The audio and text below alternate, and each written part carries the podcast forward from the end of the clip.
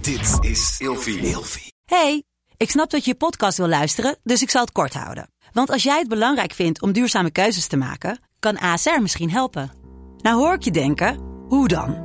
Nou, bijvoorbeeld bij het duurzaam herstellen van schade. Of de premies die we beleggen volgens ons duurzaam beleggingsbeleid. Dat bepaalt waar we wel en juist niet in investeren. Wil je meer weten over welke duurzame keuzes ASR maakt? Ga dan naar asr.nl slash duurzame keuzes. ASR doet het. Zo, dan kan je nu lekker naar je podcast luisteren. Vroeger. Meneer Munnik, we bespreken deze week het einde van de wereld. En in deze aflevering hebben we altijd een verhaal in de categorie een historisch personage. We gaan het hebben over een zekere Graham Hancock. Ja, Is dat van die film? nee, zeker niet van die film. Ehm, wij zijn bezig met een podcast, hè? En, en een van de grote podcaststerren uit Amerika is Joe Rogan. Ja. Joe Rogan, de Joe Rogan Experience.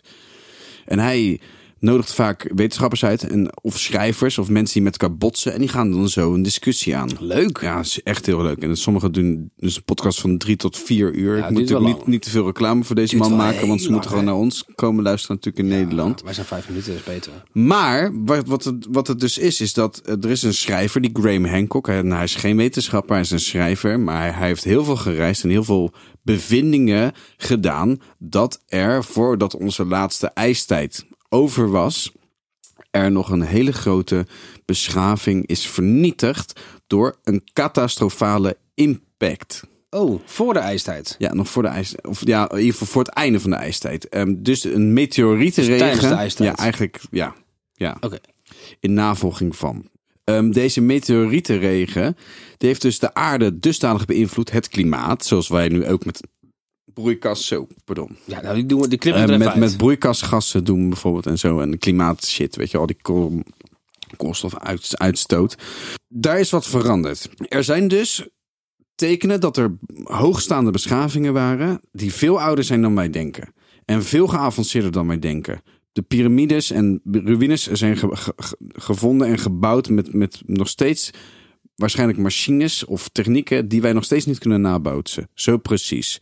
Ze zijn erachter gekomen dat de Sphinx in Egypte, dat daar bepaalde erosieplekken op zijn van regen van bovenaf. Dat, moet, dat zou moeten bewijzen dat de Sphinx dus ooit in een subtropisch klimaat heeft gestaan. Maar, eh, en dat staat nu natuurlijk midden in de woestijn. hè? Erosie komt toch altijd van bovenaf? Ja, klopt. Maar in in een woestijn heb je toch geen regen, man? Het staat, Nooit? staat midden in de woestijn.